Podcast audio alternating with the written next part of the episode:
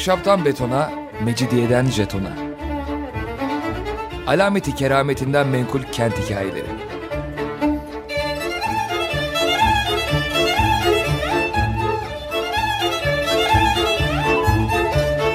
Hazırlayan ve sunan Pınar Erkan.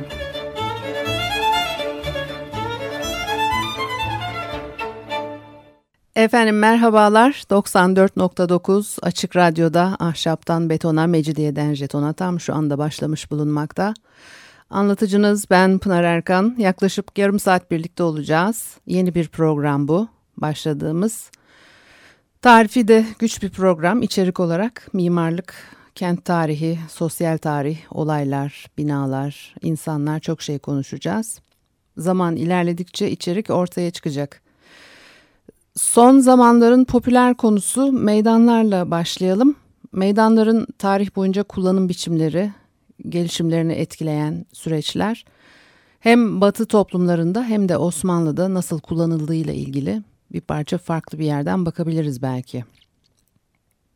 Geldiğimiz noktada aynı şeylerle karşılaşacağız ama neresi, ne zaman kazılmış, hangi proje uygulanmış veya uygulanmamış bunlardan ziyade anlam ve e, içerik üzerinde durmaya niyetliyim. Meydanlar kimsenin umurunda değildi. Epeydir bizi meşgul eden bir konu haline aldı. Peki neden meydanlar bu kadar mesele oluyor? İnsanların kullandığı ilk kamusal mekanlardan biri meydanlar. Kentsel yaşam içinde farklı işlevler görüyor öncelikle bir odak noktası ve toplanmak çok önemli bir şey toplumsal hayat içinde. Hem kentte sürekli yaşayan nüfusun hem de ziyaretçilerin buluşma, tanışma, paylaşma, karışma noktası. Kent içi ilişkiler meydanlarda gelişiyor. Tüm kent halkına eşit kullanım olanağı sunduğu kabulünden yola çıkarak çeşitli etkinlikler için ortak bir platform yarattığı da e, ortada. E, Osmanlı'yı inceleyen tarihçi gezginlerden biri. Osmanlı kentinde modern milletleri belirleyen o halk meydanlarından, o döşenmiş sokaklardan, o tasarlanmış yollardan, o harika konutlardan hiçbiri görülmez diye yazar. Avrupalı başka ziyaretçiler de halk meydanlarının seyrekliğinden söz eder sıklıkla. 16. yüzyıla ait hani eski diye yani en eski elimizde olan e, gravürlere, çizimlere baktığımızda sadece iki büyük meydanla karşılaşırız. Bunlardan biri antik hipodrom e, ki çok daha yani bin yıl öncesine dayanan bir e, geçmişi var. Diğeri ise e, e, özü olarak bir ilham kaynağı olarak e, Kadırga Kapısı yakınındaki Sipahi Meydanı e, bir diğer meydan. E, halbuki kentin her yeri çayır bayır ama bu tabii yanıltıcı olabiliyor. Çayır bayır da zamanla biçimlenip meydana dönüşüyor. Eski çağlardan günümüze aktarılan boyutlu meydanlar yok. E, meydandan ziyade açık hava mekanları var. Mesire yerleri daha ön planda meydana göre. Bunun da sebepleri var tabii. Meydanı kullanmak kent kültürü, kent disiplini isteyen bir şey. Uygarlık tarihi boyunca meydanların bizim bugün bildiğimizden öteye işlevleri mevcut ve e, simgesel anlamlarla yüklüler. Hatta uygarlıkların gizemli ve e, ağır, çok ağır, binlerce yıllık hafızasını yüklenmiş taşıyorlar. Biz bakınca görmüyoruz onu çünkü çok eski geçmişte meydanlar bugün bizim bilmediğimiz amaçlarla kullanılıyordu.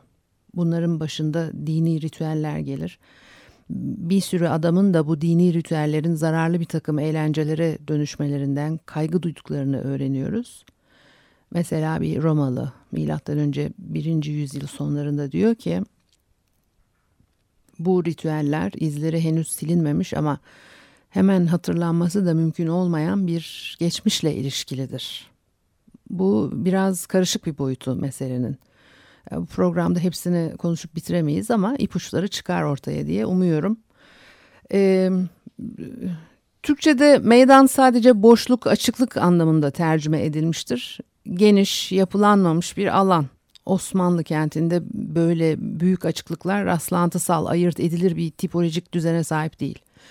İnsanoğlunun var ettiği en karmaşık yaşama birimleri, kentler, şehirler bu karmaşıklık en belirgin, en yoğun biçimde kentlerin meydanlarında kendini gösterir. En çok oralarda meydana çıkar. Dolayısıyla meydanlar toplumların, kentlerin kalbinin attığı, nabzının tutulduğu yerler. Binlerce yıldır uygarlık merkezleri olan kentlerde bunu görüyoruz. Öte yandan doğu ülkelerindeki kent meydanları ile batıdaki kent meydanları farklı özellikler sergiliyor. Agora ve forumları örnek vereceğim fakat ilk uygarlıkları teşkil eden Mezopotamya kentlerinde meydan görülmüyor. Mezopotamya eski çağlarda milattan önce 3000'li yıllardan başlayarak dünyanın en önde gelen kültür merkezlerinden biri. Herodot yazdığı tarih kitabında Babil kentinin surlarından, e, karmaşık su kanallarından, sokaklarından, evlerinden, saraylarından, tapınaklarından oldukça ayrıntılı bir biçimde söz eder ama kentin meydanlarına değinmez. Çünkü oralarda bu tür mekanlar ya hiç yok ya da önemsiz. Bunu da yine o toplumların yapısına bağlayabiliriz. Niye Sümerlerde bir kentsel meydan yoktu?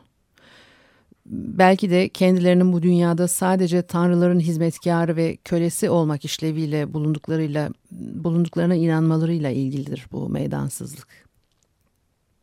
Peki Osmanlı kentlerinde biçimlendirilmiş meydanların olmayışı neden? Kamu hayatının fakirliğinden mi yoksa başka bir yaşam tarzından mı kaynaklanıyor? Agora ve forum dedim. Örneğin agoralar, antik Yunan kentlerinin nüvesini oluşturan en temel birimlerinden biri, meydanları. Bir Yunan kentindeki agora düzgün bir kare ya da düzgün bir dikdörtgen olabileceği gibi bir yolun biraz genişlemesiyle de oluşmuş olabilir. Yani e, bilinçle biçimlendirilmiş de olabilir, koşullara göre gelişmiş de olabilir. Atina'daki agora en meşhur agoralardan biri. Akropolis'e giden yol yakınlarında kurulmuştur ve kentin hem ticari hem de yönetim merkezi. Onun içinde bu agora milattan önce 600'den başlayarak çeşitli kamu yapılarıyla donatılmaya başlanmış. Bugünkü meydan algımıza da uygun olarak çok işlevli mekanlar, agoralar. Oralarda hemen her şey yapılabilir. Agora sözcüğüyle alışveriş kavramı da bütünleşmiştir ama yapılan tek şey alışveriş değil e, yani ticaret e, dışında başka şeyler var. Eski Yunan kültürü içinde agoranın yeri neyse eski Roma kültürü içinde forumun yeri o. Tıpkı agoralarda olduğu gibi forumlarda da insanlar yalnızca ticaret için değil fikir alışverişi yapmak için de toplanıyorlar. Kimi forumlarda fikir alışverişi yapmak daha ön planda. Agora ve forumun yani meydanların eski Yunan ve Roma kültürlerindeki yerinin Batı toplumlarının politik ve sosyal gelişimini de biçimlediğini söylemek çok yanlış olmaz. Eski Yunan sitelerinde vatandaşların toplumu ilgilendiren ekonomik, politik, ticari, sanatsal, sosyal her türlü alanda bilgi ve fikir sahibi olmaları çok önemliydi. Sadece fikir sahibi olmak da yetmez. Bunu paylaşmaları bekleniyordu herkesten. Düşüncelerini beyan edeceksin, paylaşacaksın bunu yapamayan eksik insan muamelesi görüyor, toplumdan dışlanıyor. Hatta toplumu çürüten, zararı uğratan bir şey olarak değerlendiriliyor bu durum. Niteliksiz insan gibi bir manası olan idiotay veya idiote kelimesinin antik Yunan'dan günümüze aktarıldığını biliyoruz. Şimdi e, bu adamlar fikirlerini nasıl paylaşacaklar? Ve nerede paylaşacaklar? Tamam demokrasi var, meclis var filan oralarda konuşulacak her şey ama kent meydanları da bunun bir parçası. Hem antik Yunan'da hem Roma'da.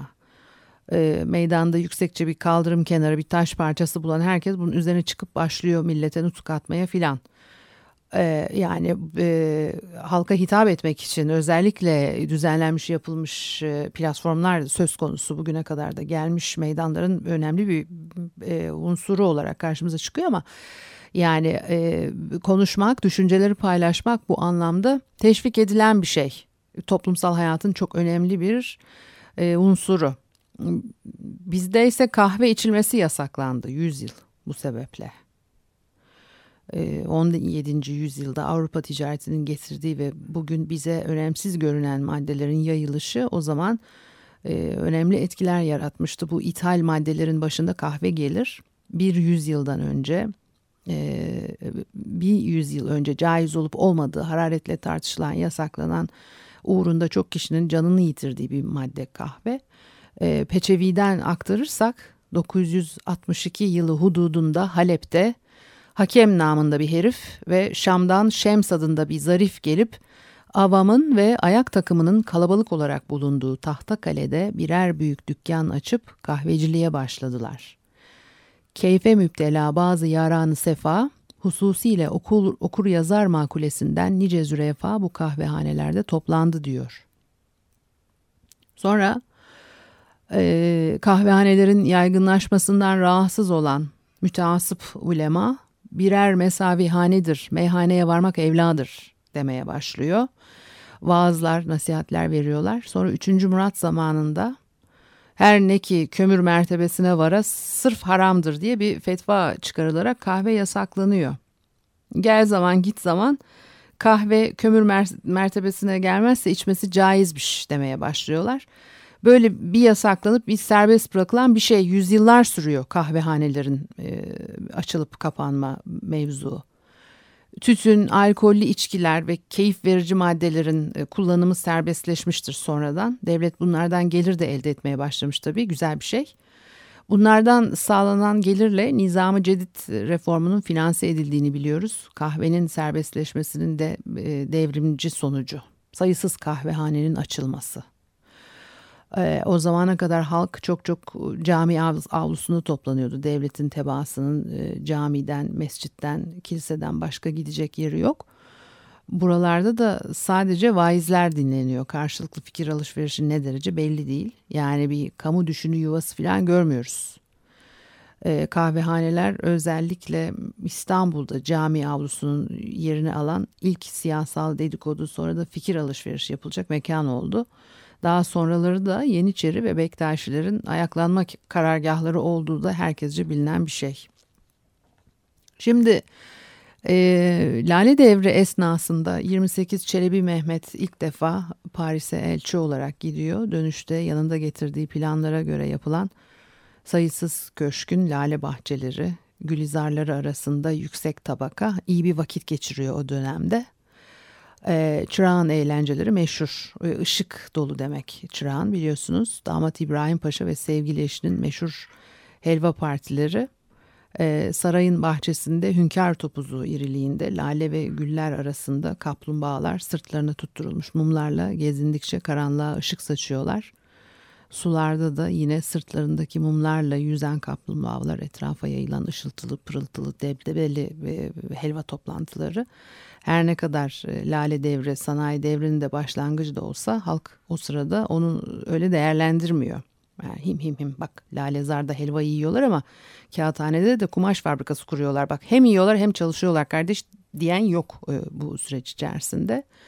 Devlet sorunları Galata ve İstanbul kahvehanelerinde konuşuluyor. Yeniçeriler zaten artık halktan ayırt edilemez hale gelmiş.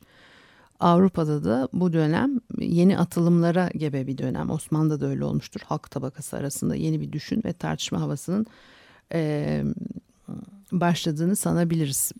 Bir şarkı dinleyelim ondan sonra devam edelim.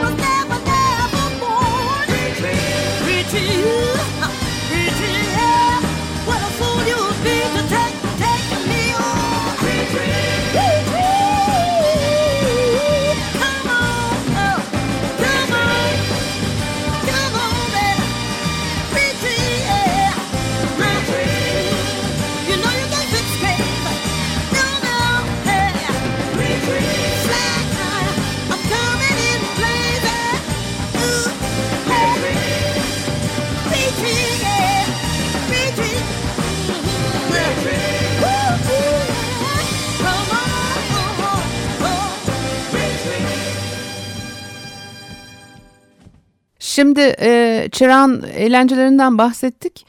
Ee, Osmanlı kentinin tarihi yazıları, araştırmaları ve ikonografisi kentteki kamu, kamu yaşamını e, aktarmak açısından çelişkili. Örneğin yine şehri görmüş, gezmiş ve bir süre e, İstanbul'da e, yaşamış e, tarihçi yazarlardan biri 18. yüzyılda bahçelere ve mesire yerlerine fazla gidilmediğini söylüyor. Sadece erkekler çarşıya iniyormuş. Ee, sokaklar gece ve gündüz bomboştur diyor.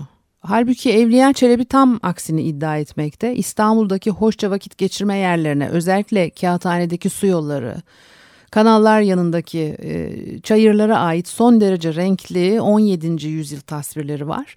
18. yüzyıla ait yabancı ziyaretçilerin gravür ve tablolarında da gezinen insanlar, seyyar satıcılar, birçok kadın yer alıyor. Bunların hepsinin sanatçı fantezisi olduğunu söylemek güç. Başka bir e, ecnebi gezgin 1855'lerde kadınların eve mahkum olduğunu hiç kabul etmez. Onların İstanbul'un sokak ve gezinti yerlerinde sıklıkla görüldüğünü söyler. Ama artık bu tarihler tabii e, e, Tanzimat dönemi Abdülmecit'in zamanları Abdülmecit yapı olarak e, kadınlara esnek ve serbest e, e, bir yaklaşımda bulunan e, bir padişah. Dolayısıyla o dönemde e, Mısır Hidivlerinin eşlerini kız kardeşlerini, kızlarını e, İstanbul'da yaşamaya başlayan e, örnek alan e, saray kadınları ve yoluna çıkıp alışverişlere falan e, gitmeye başlamışlar. Zaten eskiye kıyasla çok daha esnek bir zaman dilimine girilmiş oluyor 19. yüzyılın ortalarıyla beraber. Yine de en hoş gezintilerin çayırlarda, akarsu kıyılarında, deniz kenarlarında yapıldığını görüyoruz. Fakat tüm bunlar meydanlarla aynı şey mi? Meydanın en önemli işlevi binalar arasında bir sosyal hayat e, yaratmak diyor. İnsan insanın olduğu yere gelir diyor. İnsanlar birbirleriyle meydanlarda sosyalleşir, iletişim kurar diyor. E, toplumsallaşma bireyselliğimizin ve özgürlüğümüzün temelinde yer alır diyor. Toplum, toplumsallaşırken hepimiz kimlik duygusuyla bağımsız düşünme ve eylem yeteneği geliştiririz diyor. Meydanın böyle bir işlev görebilmesi için bilinçli bir şekilde biçimlendirilmesi gerekir. Barındırdığı toplumun buna izin veren nitelikleri olması gerekir. Kent sokaklarında halka e, atla ve arabayla gezebilme iznini 19. yüzyıla kadar vermemiş bir devletin ve toplumun böyle bir yaklaşımı olmuyor haliyle.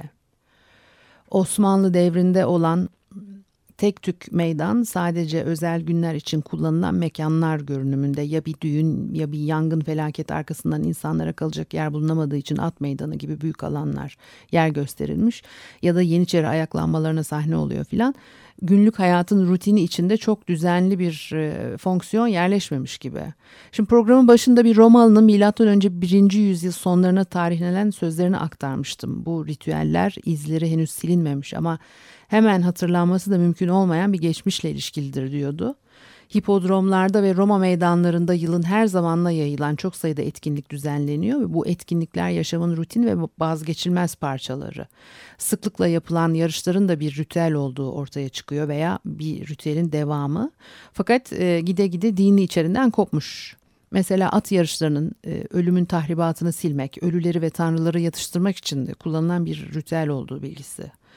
E, İlyada'da anlatılan Petrokles'in cenaze töreni yarışları gibi. Şenlikler Yunanlıların sık sık şiddete dönüşen bitmek tükenmek bilmez tartışmalarının tanrılarına saygılarından ötürü bir süre bırakmalarını sağlıyordu. Böylece tipik yarışmacı ruhlarını barışçı bir amaca yönelterek bunu atletik yarışmalarla ifade etmelerine fırsat veriyordu. Yunanistan'daki yarışlar sadece tanrılar adına düzenlenen gösteriler ve yarışlar Roma'da daha derinlikli dinsel bir e, ritüel haline dönüşmüş.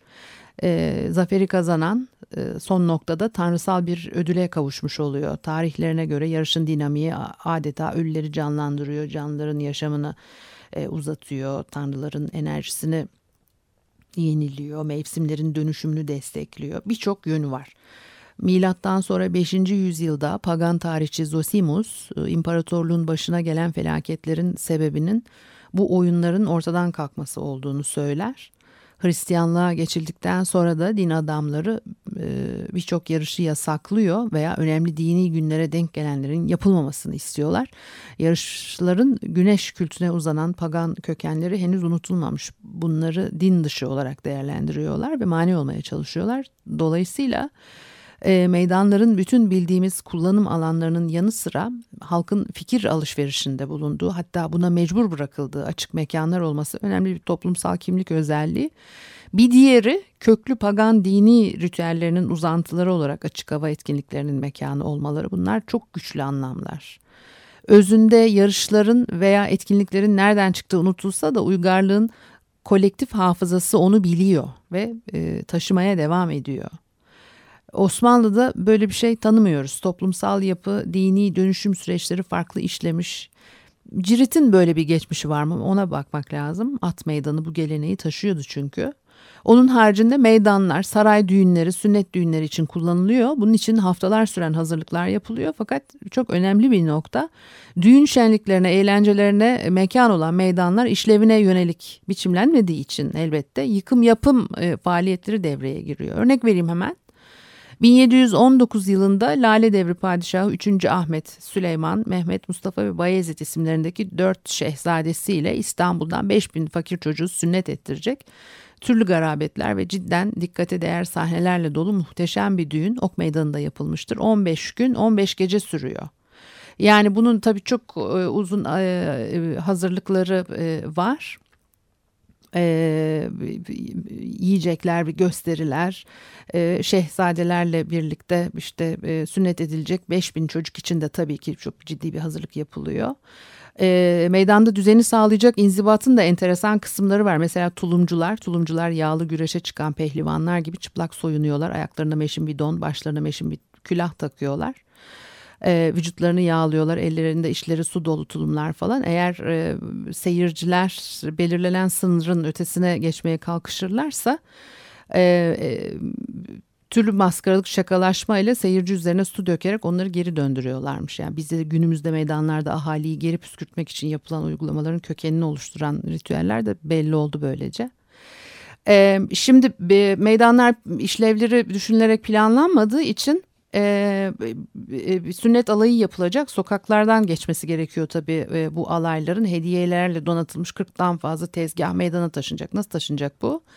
Evlerin arasında sokaklardan geçerek taşınacak tabii ki ve sokakların bir kısmı çok dar geçmek zor hatta mümkünsüz. Bu zorluğu gidermek için mimarlar ve katipler görevlendiriliyor. Sünnet alayının kolaylıkla geçebileceği yolları tespit ediyorlar.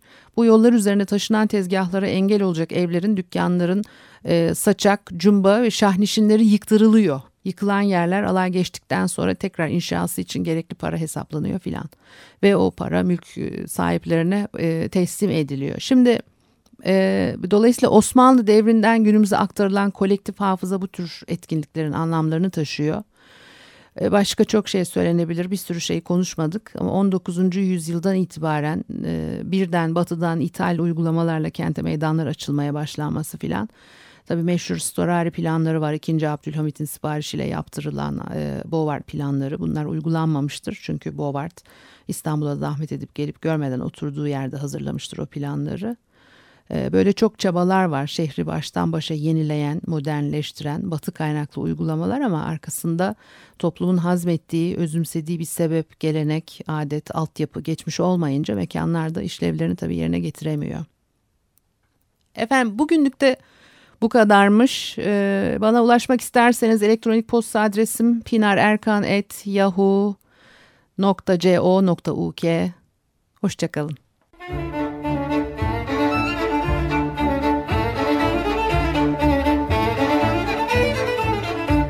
Ahşaptan betona, Mecidiyeden jetona. Alameti kerametinden menkul kent hikayeleri.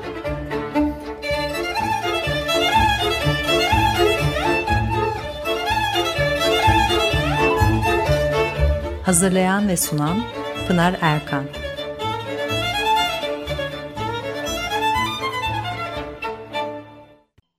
Açık Radyo program destekçisi olun. Bir veya daha fazla programa destek olmak için 212 alan koduyla 343 41 41